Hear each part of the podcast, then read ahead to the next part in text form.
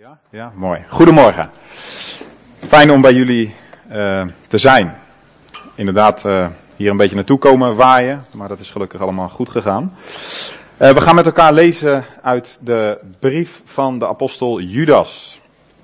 Een heel klein briefje. Misschien niet heel bekend. Het staat voor het laatste Bijbelboek, Openbaring. En we gaan de hele brief lezen. Nou, dat klinkt heel groots, maar dat zijn om precies te zijn 25 versen. Dus we beginnen gewoon te lezen bij vers 1. Judas 1. Daar lezen we Gods woord als volgt. Judas, een dienstknecht van Jezus Christus en broer van Jacobus, aan de geroepenen die door God de Vader zijn geheiligd en die door Jezus Christus worden bewaard Mogen barmhartigheid en vrede en liefde voor u vermeerderd worden. Geliefde, toen ik mij er met alle inzet toe zette u te schrijven over de gemeenschappelijke zaligheid, werd ik genoodzaakt u te schrijven met de aansporing om te strijden voor het geloof dat eenmaal aan de heilige overgeleverd is. Want er zijn sommige mensen binnengeslopen die tot dit oordeel al lang tevoren opgeschreven zijn. Goddelozen, die de genade van onze God veranderen in losbandigheid. En die de enige heerser, God en onze Heere Jezus Christus verlogenen. Maar ik wil u eraan herinneren, u weet het eens en voorgoed, dat de Heere, nadat hij het volk uit het land Egypte verlost had, vervolgens hen die niet geloofden te gronden heeft gericht. En de engelen die hun oorspronkelijke staat niet hebben bewaard, maar hun eigen woonplaats verlaten hebben, heeft hij voor het oordeel van de grote dag met eeuwige boeien in de duisternis in verzekerde bewaring gesteld. Evenzo is het met Sodom en Gomorra en de steden eromheen die op dezelfde wijze als zij hoererij bedreven hebben en ander vlees achterna zijn gegaan. Zij liggen daar als een waarschuwend voorbeeld doordat zij de straf van het eeuwige vuur ondergaan. Niettemin bezoedelen deze dromers ook nu op dezelfde wijze hun lichaam en zij verwerpen het gezag en lasteren al wat eer toekomt. Michael, de aartsengel echter, durfde toen hij met de duivel reden twiste en een woordenwisseling had over het lichaam van Mozes, geen oordeel van lastering tegen hem uit te brengen. Maar hij zei, mogen de Heer u bestraffen. Maar deze mensen, die lasteren alles waarvan zij geen kennis hebben, en met de dingen die zij, net als de redeloze dieren, van nature wel begrijpen, richten zij zichzelf te gronden. Wee hun, want zij zijn de weg van Kain ingeslagen en hebben zich om het loon, om loon in de dwaling van Biliam gestort en zijn door het tegenspreken als van Korach omgekomen. Deze mensen, die zijn schandvlekken bij uw liefdemaaltijden. Als zij met u de maaltijd gebruiken, dan doen zij zichzelf onbeschroomd te goed. Zij zijn wolken zonder water, die door de winden heen en weer gedreven worden. Zij zijn als bomen in de late herfst, zonder vrucht, tweemaal gestorven en ontworteld. Zij zijn wilde golven van de zee, die hun eigen schandaden opschuimen, dwaalsterren, voor wie de diepste duisternis tot een eeuwigheid bewaard wordt. Ook over hen heeft Henoch, de zevende vanaf Adam, geprofiteerd toen hij zei, zie, de Heer is gekomen met zijn tienduizenden heiligen, om over allen het oordeel te vellen en alle goddelozen onder hen terecht te wijzen, voor al hun goddeloze daden, die zij op goddeloze wijze bedreven hebben. En voor al de harde woorden die zij goddeloze zondaars tegen hem gesproken hebben. Zij zijn het die morren, of die mopperen, die klagen over hun lot, die naar hun eigen begeerte wandelen. Hun mond spreekt hoogdravende woorden, terwijl zij mensen naar de ogen zien, ter wille van voordeel. Maar u, geliefde, maar u, herinnert u zich de woorden die voorzegd zijn door de apostelen van onze Heer Jezus Christus. Dat zij u gezegd hebben dat er in de laatste tijd spotters zullen zijn die naar hun eigen goddeloze begeerte wandelen.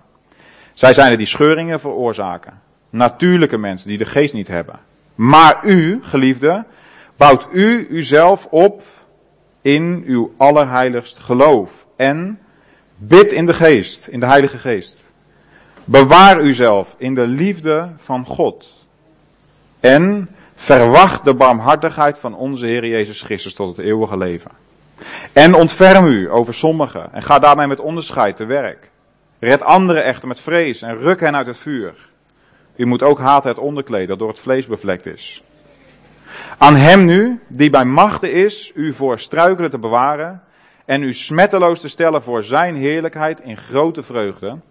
De alleen wijze God, onze zaligmaker, zij heerlijkheid en majesteit, kracht en macht, nu en in alle eeuwigheid. Amen. Amen. Een uh, vriend van mij, die uh, uh, had een hele moeilijke periode waarin hij in zat.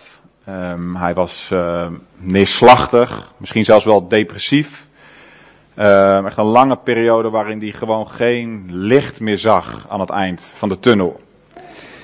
En nou ja, na een lange periode, hij kwam er echt niet meer zelf uit, zocht hij hulp.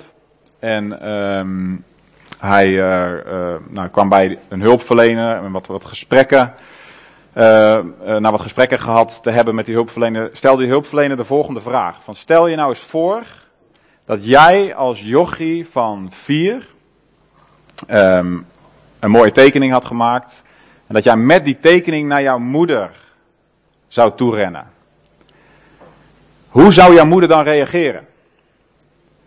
Nou, hij dacht na. En hij zei tegen die hulpverlener, ja, ik denk dat ik dat geen eens zou doen.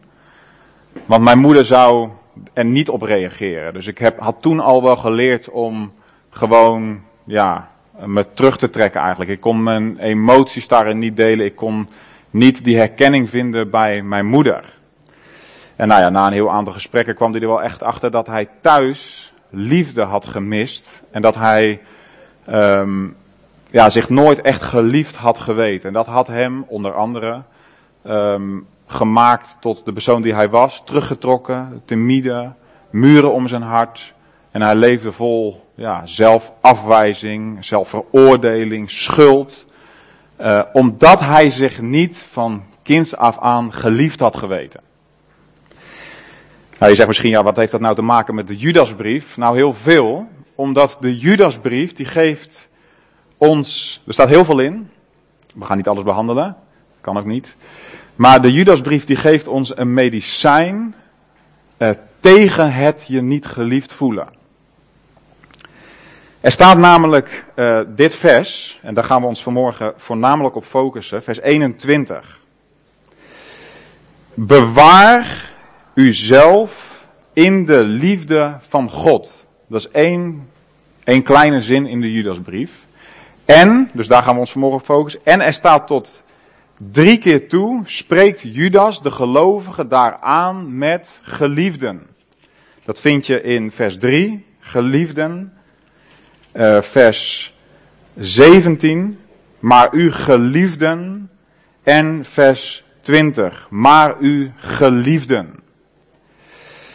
Um, en ik heb me af zitten vragen van oké, we gaan het dus hebben over wat betekent dat, geliefd zijn, om ja, het medicijn te vinden en tot ons te kunnen nemen in onze worsteling met zelfafwijzing en met afwijzing en met schuld.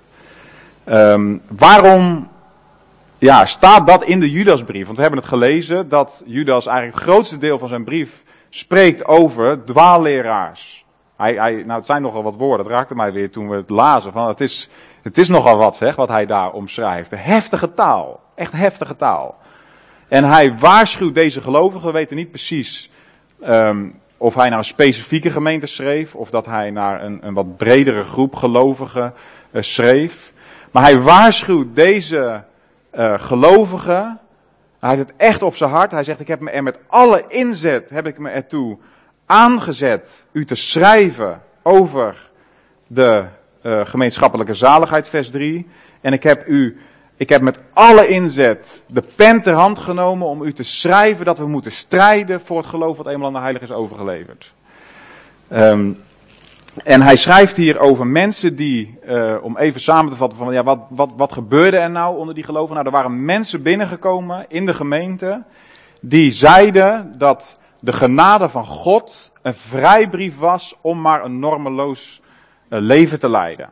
Om je gewoon lekker te geven aan deze wereld, uh, zonder dat, uh, dat het uitmaakte. De wet van God hebben we niet meer nodig. We zijn nu eenmaal kinderen van God, we leven uit genade. En omdat Gods genade er toch is, kunnen we nu maar gewoon leven zoals we zelf willen. Dat is zeg maar de context van waarbinnen Judas dan zegt, drie keer tot drie keer toe, geliefde, geliefde, geliefde. En hij zegt, bewaar jezelf in de liefde van God.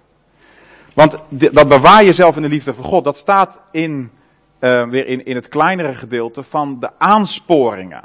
Hij zegt hiervan, ja, uh, broeders en zusters, er zijn dwaalleraren in jullie midden, die waren er al. Zo schrijft hij erover. Dat moet, dat moet je even voorstellen, hè, dat je daar zit. En die brief wordt voorgelezen, uh, hier in de gemeente. En ik lees die brief aan jullie voor. En ik zeg van, nou, in jullie midden zijn dwaalleraren. En je kijkt elkaar aan en je denkt, wie is het? Um, en misschien had je er al wel een beeld bij. En, en, en, en Judas die, die wil dat ontmaskeren, die wil dat laten zien. En dat, maar dan zegt hij, dat laat hij zien, niet, zo, niet om te ontmoedigen, maar hij laat dat zien om het helder te maken en om ze aan te sporen om stand te houden. Om te blijven strijden, om, zich om hun niet te laten, dat ze zich niet laten ontmoedigen en dat ze niet zeg maar af zouden drijven. Want hij zegt dan, hij geeft eigenlijk uh, vanaf vers 20, geeft hij uh, zes of zeven aansporingen wat ze moeten doen om stand te houden, om te strijden. Hij zegt hier, um, er zitten zeven werkwoorden in, vanaf vers 20. Bouw jezelf op. Bid in de Heilige Geest, vers 20. Bewaar jezelf in de liefde van God. Verwacht, het vierde, de barmhartigheid van onze Heer Jezus Christus tot eeuwige leven. Ontferm je over sommigen die daar al in meegegaan waren in die dwaalleer. Ontferm je daarover. Uh, vers 23. Red anderen echter met vlees, de zesde. En um, uh, de zevende, het zevende werkwoord is haat het onderkleed. Dus pas op dat je er niet mee bezoedeld raakt. En te midden van die zeven werkwoorden, te midden van die zeven aansporingen om te strijden, zegt hij als derde, zegt hij, bewaar jezelf in de liefde van God. En ik heb me afgevraagd, waarom Judas? Kijk, ik, ik, ik snap heel goed dat je zegt, oké, er zijn dwaalleraren. Uh, je moet strijden. Je moet inderdaad vast, je vasthouden aan de leer. Zoals die in de Bijbel staat. Of zoals die overgeleverd is door de apostelen en de profeten. Daar moet je aan vasthouden. Die begrijp ik heel goed. Dat we moeten bidden, die tweede. Bid in de Heilige Geest. Blijf verbonden met God. Uh, bid naar zijn wil. Gemotiveerd door de Heilige Geest. Snap ik ook heel goed. Maar waarom die derde? Bewaar jezelf in de liefde van God. En ik denk dat het te maken heeft met uh, het volgende. Een broeder zei net, uh, terwijl wij aan het bidden waren, of toen wij aan het bidden waren voor de dienst. Uh, we hadden het even over de storm. code rood is er al zelfs afgegeven. Ik kreeg vanochtend een appje. En een broeder zei, um, um, ja, er zullen wel wat zwakke bomen omgaan, waarschijnlijk vandaag. En toen dacht ik van, ja, dat is zo. Er zullen wel wat zwakke bomen omgaan. En dit, deze aansporing, bewaar jezelf in de liefde van God, die heeft alles ermee te maken dat je te midden van code rood, te midden van de stormen van dwaalleer, dat je staande kan blijven.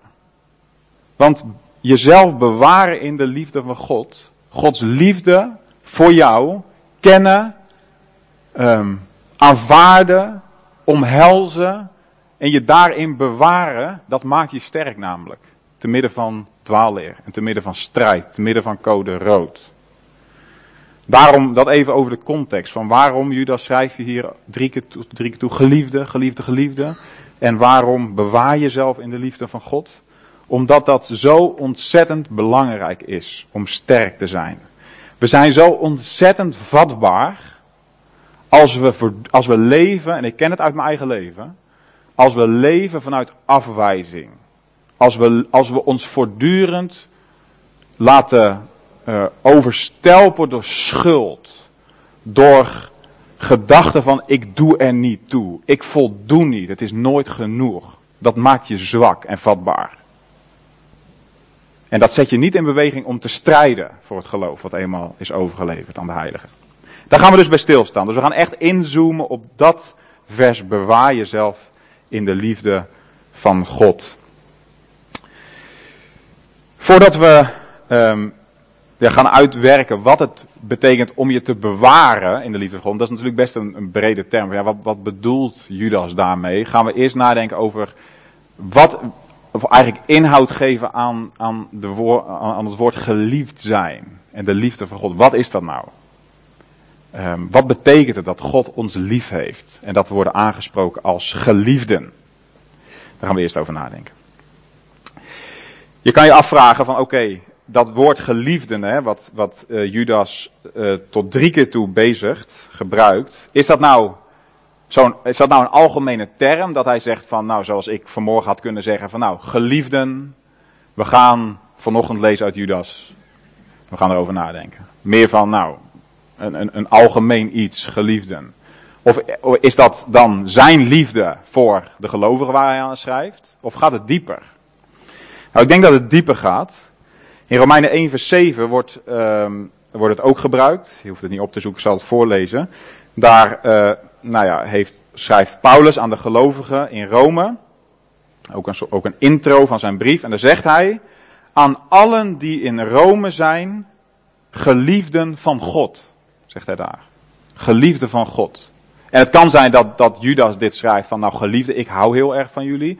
Maar daaronder denk ik dat we recht doen aan de schrift als we zeggen van, hij bedoelt hier geliefden van God, geliefden door God, zoals Paulus dat bedoelde aan de gemeente in Rome.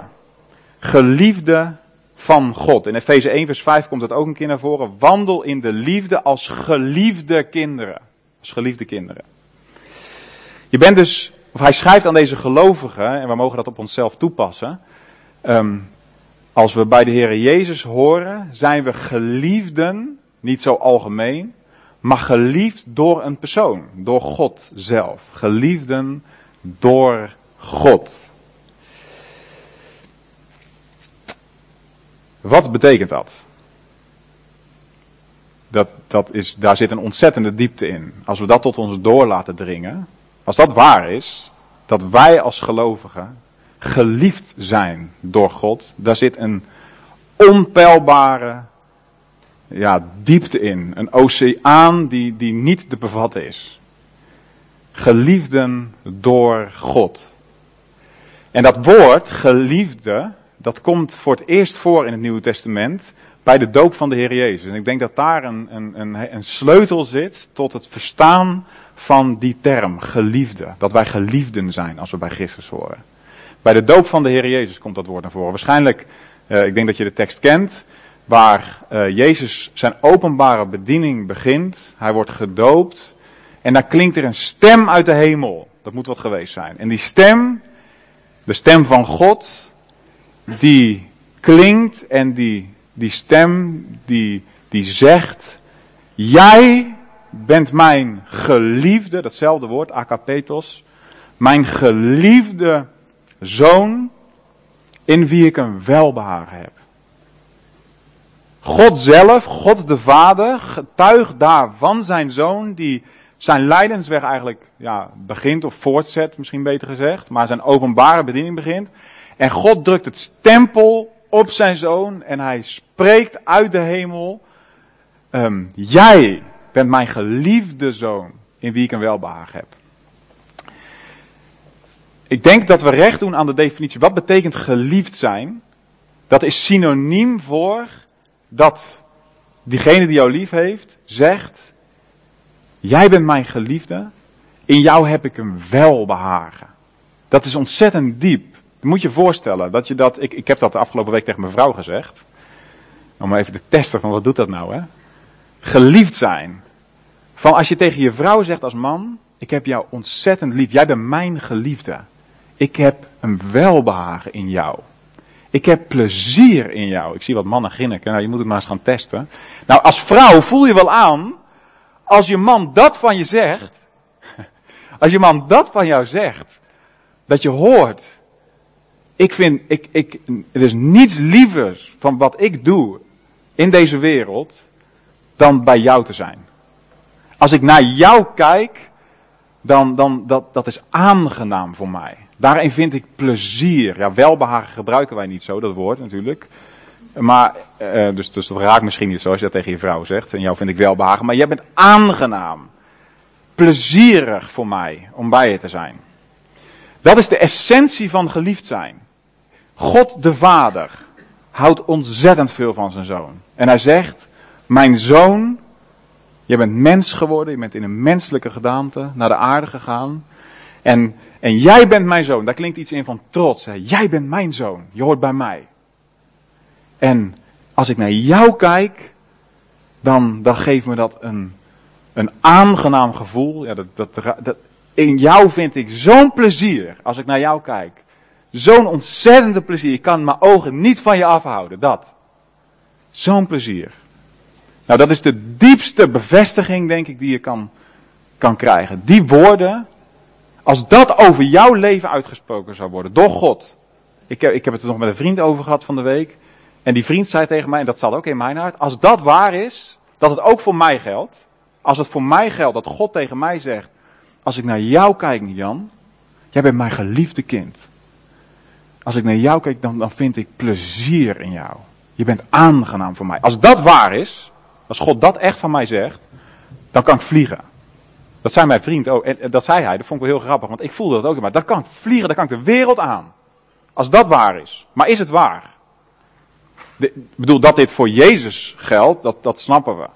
Jezus was volmaakt.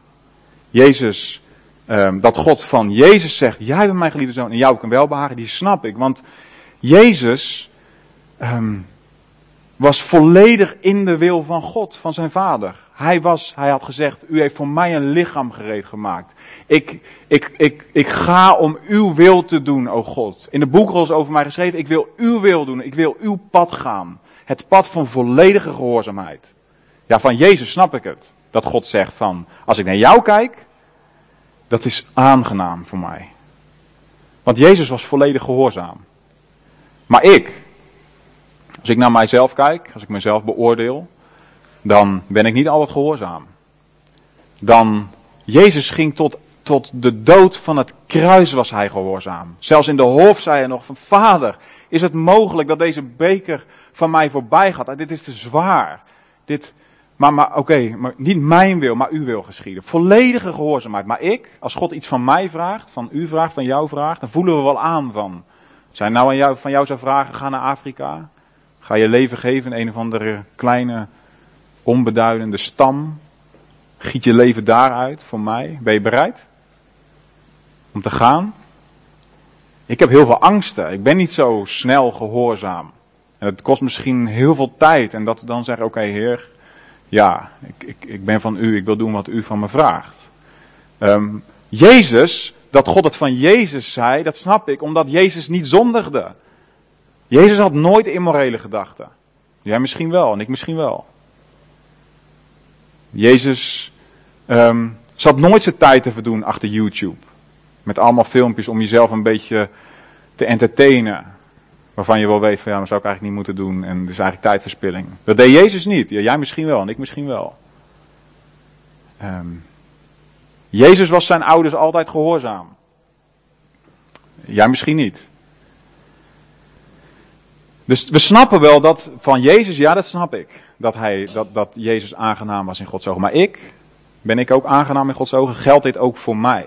Dat geliefd zijn. Op die manier. De dingen die, ik net al noemde, dat heeft alles te maken met dat we dus aanvoelen dat schuld dat wij hebben en wat Jezus niet had, dat wij schuld hebben um, vanwege onze zonde, vanwege onze ongehoorzaamheid ten opzichte van God. En dat dat er uh, tussenin staat, waardoor God nooit van ons zou kunnen zeggen, jij bent mijn geliefde zoon, in jou heb ik welbehagen als ik naar jou kijk. Dat voelen we aan, dat kan niet. Vanwege mijn zonde, vanwege mijn schuld. En schuld resulteert altijd in afwijzing. Wij leven als mensen allemaal buiten het paradijs. En dat betekent dat we dus um, buiten die bevestigende liefde van God leven. Door onze schuld, door doordat we zondigen, voelen we ons afgewezen. En het, het klopt ook dat we ons afgewezen voelen. Want we zijn buiten de cirkel van liefde van God gestapt. We hebben hem de rug toegekeerd en we zijn zelf gaan leven.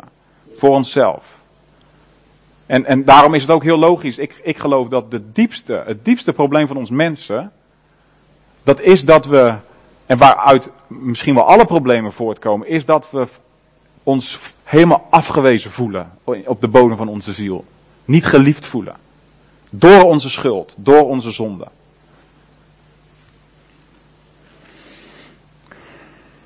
Hoe kan het dan zijn dat Judas zegt geliefden en bewaar jezelf in de liefde van God?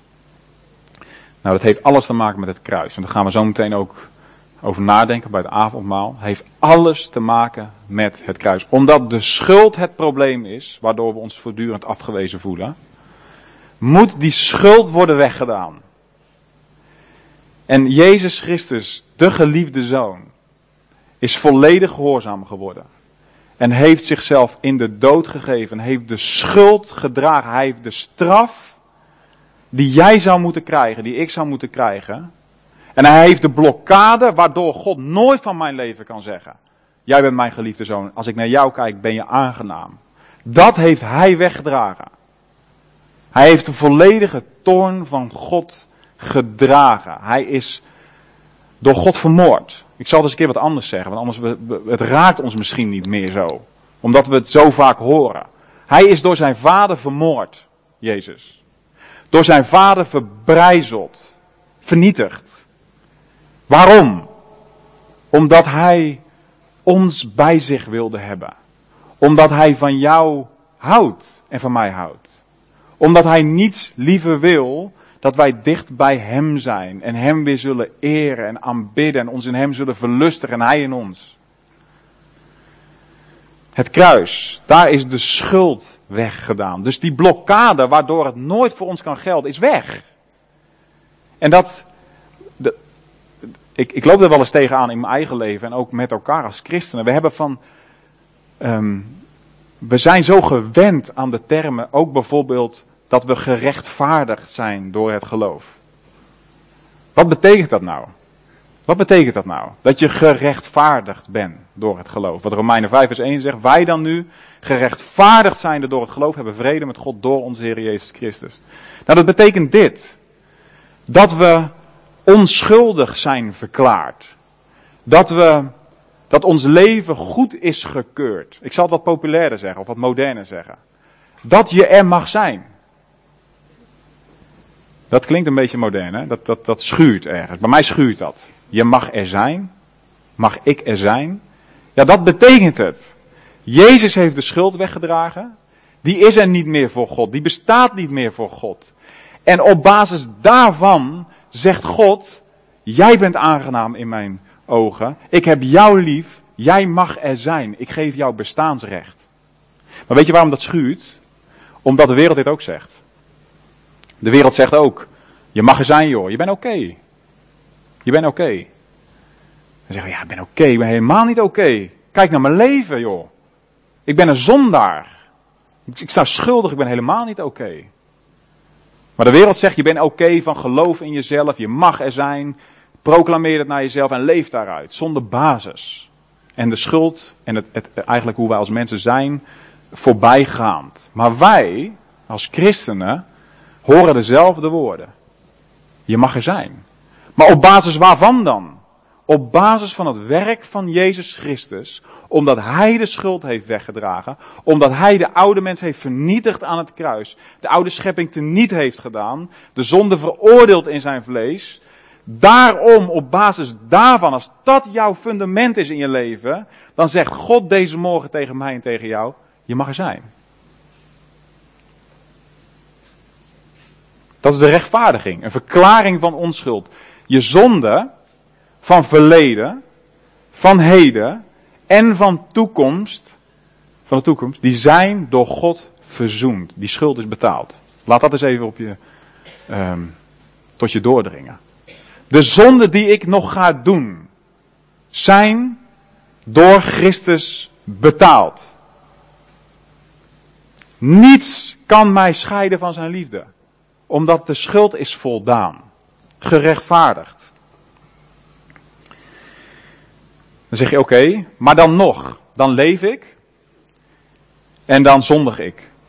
God is toch niet blind of zo, speelt toch geen verstoppertje zo van, nou ja, oké, ik. Het, hoe kan hij dan zeggen, je bent aangenaam in mijn ogen? Dat heeft alles te maken met de opstanding. De, het kruis, daar is de schuld weggedaan. Zodat er geen veroordeling meer is. Geen schuld meer is. De opstanding van de Heer Jezus heeft alles te maken met de verandering van mijn positie, van mijn identiteit. Doordat Jezus is opgestaan. Kijk, Adam. Wij zijn allemaal uit Adam van nature. Adam is ehm, het hoofd van de oude schepping. Omdat hij gezondigd heeft, zijn wij allemaal zondaars. Iedereen wordt geboren als zondaar. Als een vervloekte, zou je kunnen zeggen. Ten opzichte van God. Jezus is de tweede Adam. En Jezus is opgestaan uit de dood als hoofd van de nieuwe schepping, als de tweede Adam. En daar kun je ook niks aan doen. Net als dat je van de eerste Adam kan je niks aan doen dat je zondag geboren wordt. Als Jezus is het hoofd van de nieuwe schepping, um, die in Gods ogen aangenaam is, die volmaakt is, die goed is, die er mag zijn. Als je bij die nieuwe schepping hoort, door de opstanding van de Heer Jezus, dan is je positie veranderd. Dan ben je niet geen zondaar meer. Als je identiteit, dan staat er op jouw paspoort niet meer zondaar, voorbestemd voor de hel. Dan staat er op jouw paspoort um, gerechtvaardigde, voorbestemd voor de hemel, eigendom van Jezus. Een nieuwe schepping. Dat zit in de opstanding. Omdat Jezus is opgestaan als eersteling uit de dood. En eersteling betekent dat er meer zullen volgen. Daarom is het zo zeker dat wij daarbij mogen horen. Omdat wij zullen volgen. En omdat wij nu al een nieuwe schepping zijn. In Romeinen, of uh, 2 keer in de 5 staat dat um, um, wij een nieuwe schepping zijn geworden. Het oude is voorbij gegaan. En zie, alles is nieuw geworden. Dus, um, om dat even wat praktisch te maken. Als God dus naar mij kijkt en ik zondig. Mijn schuld is weggedaan, dat weet ik. Maar toch zondig ik, toch voldoe ik niet in mijn praktische leven, dan is niet meer datgene wat ik doe of niet doe, dat definieert niet meer of God van mij houdt. Of dat definieert niet meer wie ik ben. Um, datgene wat God zegt en wat Jezus heeft gedaan, dat definieert wie ik ben. Dus niet meer mijn daden, maar mijn zijn. Wat Jezus voor mij heeft gedaan. Om dit even samen te vatten voordat we kijken naar hoe je te bewaren in zijn liefde. Op basis dus van het kruiswerk van de Heer Jezus. Daarom moeten we alleen maar roemen in het kruis. Daarom is er alleen maar hoop in Jezus. Hij is onze enige hoop. Daarom moeten we dat ook vieren met elkaar. In de tekenen van brood en wijn. Op basis van het kruiswerk van Jezus en zijn opstanding kijkt God naar mij. En zegt hij, net zo als dat ik hou van mijn zoon en in hem een welbehagen heb. Zo kijk ik nu naar jou, in Christus gelovige. En jij bent mijn geliefde zoon, mijn geliefde dochter. In jou heb ik een welbehagen. Geloof je dat? Klinkt misschien te mooi om waar te zijn. Maar dat is evangelie. Evangelie betekent goed nieuws. En dat is goed nieuws voor een zondaar. Als je erachter bent gekomen dat je schuldig staat tegenover God. Dat is goed nieuws, broeders en zusters. Daar mogen we ja, in jubelen. Daar mogen we over juichen. Dat geeft een fundament in ons leven om staande te blijven. Ook in deze stormachtige tijd van dwaalleer en van alles wat op ons afkomt. Weet je het ook impliceert? Dat je God niet kan teleurstellen.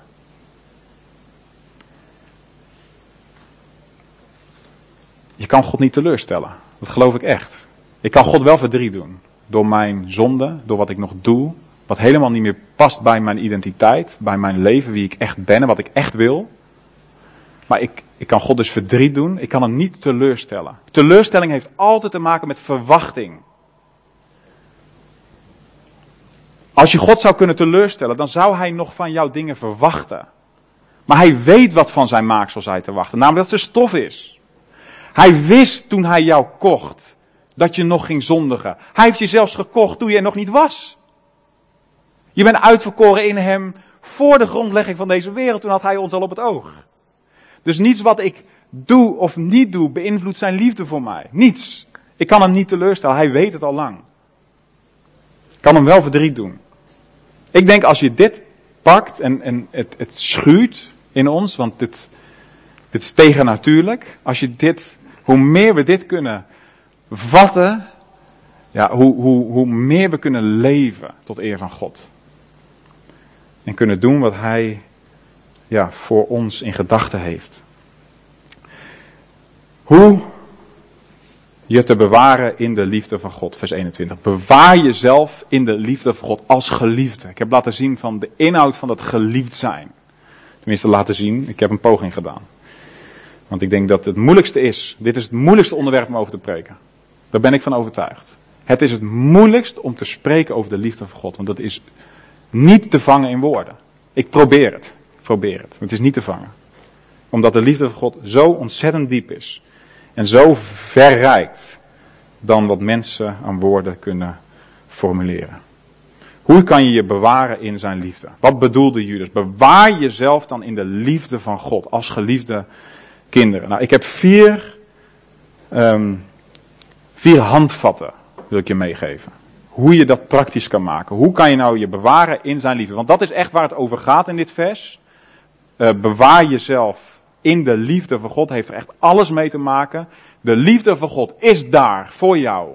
Te midden van de storm, te midden van code rood. Hoe kan ik me bewaren, me beschermen in de liefde van God? Als eerste, omhels deze waarheid. Misschien heel voor de hand liggend, maar ik noem hem toch. Omhels deze waarheid. 1 Johannes 4, vers 16, daar staat dit. Uh, Johannes schrijft dit. Wij hebben de liefde die God tot ons heeft, zegt Johannes. Wij hebben de liefde die God tot ons heeft. Johannes zingt niet zoveel over zijn liefde voor God. Uh, want dat is vaak maar armzalig. Johannes bezingt hier en benadrukt hier de liefde die God tot mij heeft. Wij hebben de liefde die God tot ons heeft, gekend en geloofd.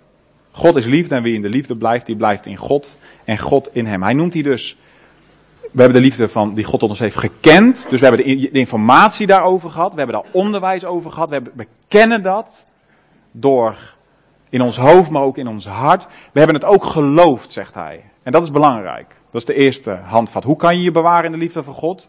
Door dit te geloven, door dit te aanvaarden, door dit te accepteren, door dit te omhelzen. Dat moet je actief doen, omdat jouw vlees, jouw natuurlijke leven en misschien wel op de bodem de zelfafwijzing hier voortdurend tegen ingaat. Aanvaard deze waarheid. Geloof deze waarheid. Omhels het. Het tweede. Hoe kan je je bewaren in de liefde van God?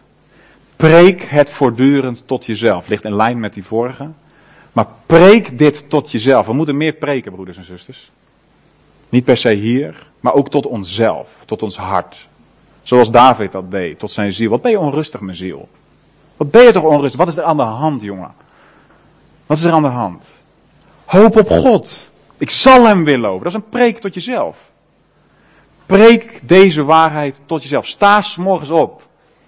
En zeg, dank u wel, Heere God. Voor uw liefde voor mij. Dank u wel dat ik geliefd ben door u. Dat u mij aanziet in uw zoon. En dat u deze dag tegen mij zegt, jij bent mijn geliefd kind. In jou heb ik plezier. Dan begin je je dag even. Misschien iets anders dan wat we gewend zijn. Wist ik wel. Ik ga dit ook weer proberen toe te passen. Preek tot jezelf. Spurgeon, van Spurgeon wordt gezegd. Spurgeon worstelde enorm met depressie.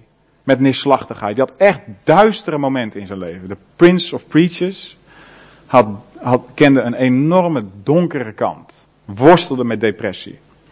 En hij zegt in een van zijn boekjes dat hij s'morgens vroeg niet opstond van zijn knieën en de dag niet begon voordat hij overtuigd was van de liefde die God had voor hem. Eerder begon hij zijn dag niet. Als medicijn. Breek het tot jezelf. Hij heeft ook gezegd, een mens is het verst verwijderd van God als hij twijfelt aan zijn liefde. En dat is waar. Je bent het verst verwijderd van God in je beleving, hoor, want God is er altijd. Maar in jouw gemoed, in jouw beleving, ben je het verst van God verwijderd als je twijfelt aan de liefde die Hij voor jou heeft. Dan word je zwak, dan, waai je, dan word je, ben je die zwakke boom die zo omwaait met code rood.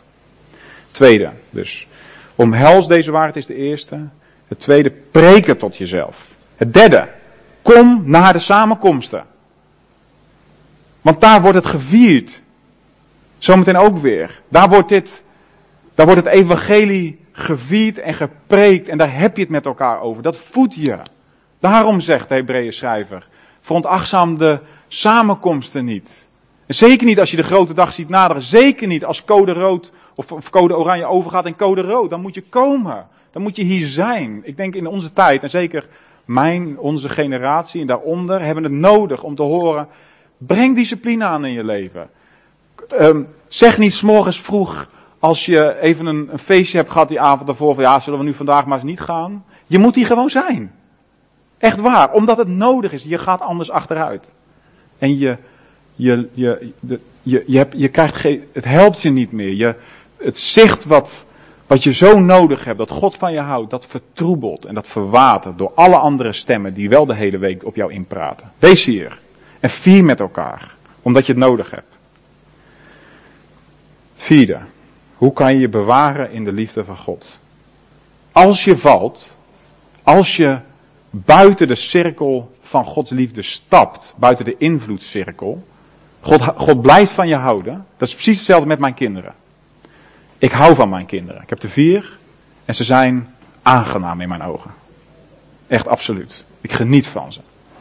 Maar een kind van mij kan door ongehoorzaam te zijn buiten de cirkel van mijn liefde stappen. Ik hou nog steeds van hem. Maar er staat iets tussen waardoor we niet meer echt, waardoor ik die liefde niet meer aan hem kwijt kan. Als je valt, als je zondigt, uh, sta op. Sta op. Beleid je schuld. En aanvaard de vergeving. Op basis van het werk van Jezus. En preek deze waarheden weer tot jezelf. Blijf niet liggen, broeders en zussen. Misschien lig je vandaag, vanochtend wel. Daar. En, en voel je je ontmoedigd, zeg je voor de zoveelste keer. Is het nu al zo. God ziet me weer aankomen, zeg. Ja, God ziet je aankomen. En hij staat met open armen. Vanochtend ook. Om je weer te verwelkomen. En te zeggen, kom hier mijn geliefde kind. En hoor de waarheid die ik over jou uitspreek. Als je dus valt, sta meteen weer op in deze waarheid. Dat je niet bent wat je doet of niet doet, maar dat je bent wie je bent op basis van het werk van Jezus Christus. Ik sluit af met de laatste twee versen van de Judasbrief. Aan hem nu, die bij machten is u voor struikelen te bewaren. En u smetteloos te stellen voor zijn heerlijkheid in grote vreugde. De alleen wijze God, onze zaligmaker, onze redder, onze verlosser. Hem zij heerlijkheid en majesteit, kracht en macht, nu en in alle eeuwigheid. Amen. Zullen we nog samen bidden en danken. Vader in de hemel, we willen u hartelijk danken voor uw liefde. Heer, het dringt moeilijk door tot onze ziel en onze hersenen, ons hart. Heer, ik bid dat u alle blokkades die wij hebben, uh, voor, om, om deze liefde te kunnen ontvangen, om ons hierin te bewaren en te beschermen, om hierin te zwemmen. En vanuit hier te leven. Heer, wilt u al die blokkades wegnemen, alstublieft. Heer, help ons om de moed te vinden om weer op te staan, om ons Net als die verloren zoon misschien. Te zeggen, ik zal opstaan, ik zal naar mijn vader gaan. Ik zal tegen hem zeggen, ik heb tegen u gezondigd, tegen de hemel en tegen u. Heer, help ons alstublieft. Om dit te kennen, om dit te geloven. En we willen u loven en prijzen voor het werk van de Heer Jezus. En we willen ook bidden dat als we daar nu bij stilstaan, dat het ons misschien weer opnieuw en op een frisse manier tot ons mag komen. Dat als we het brood breken en de beker nemen, de wijn zien vloeien en proeven, dat we daaruit proeven en smaken dat u goed bent. En dat u de schuld heeft weggedragen en dat wij bij u mogen horen. Dank u wel in Jezus' naam. Amen.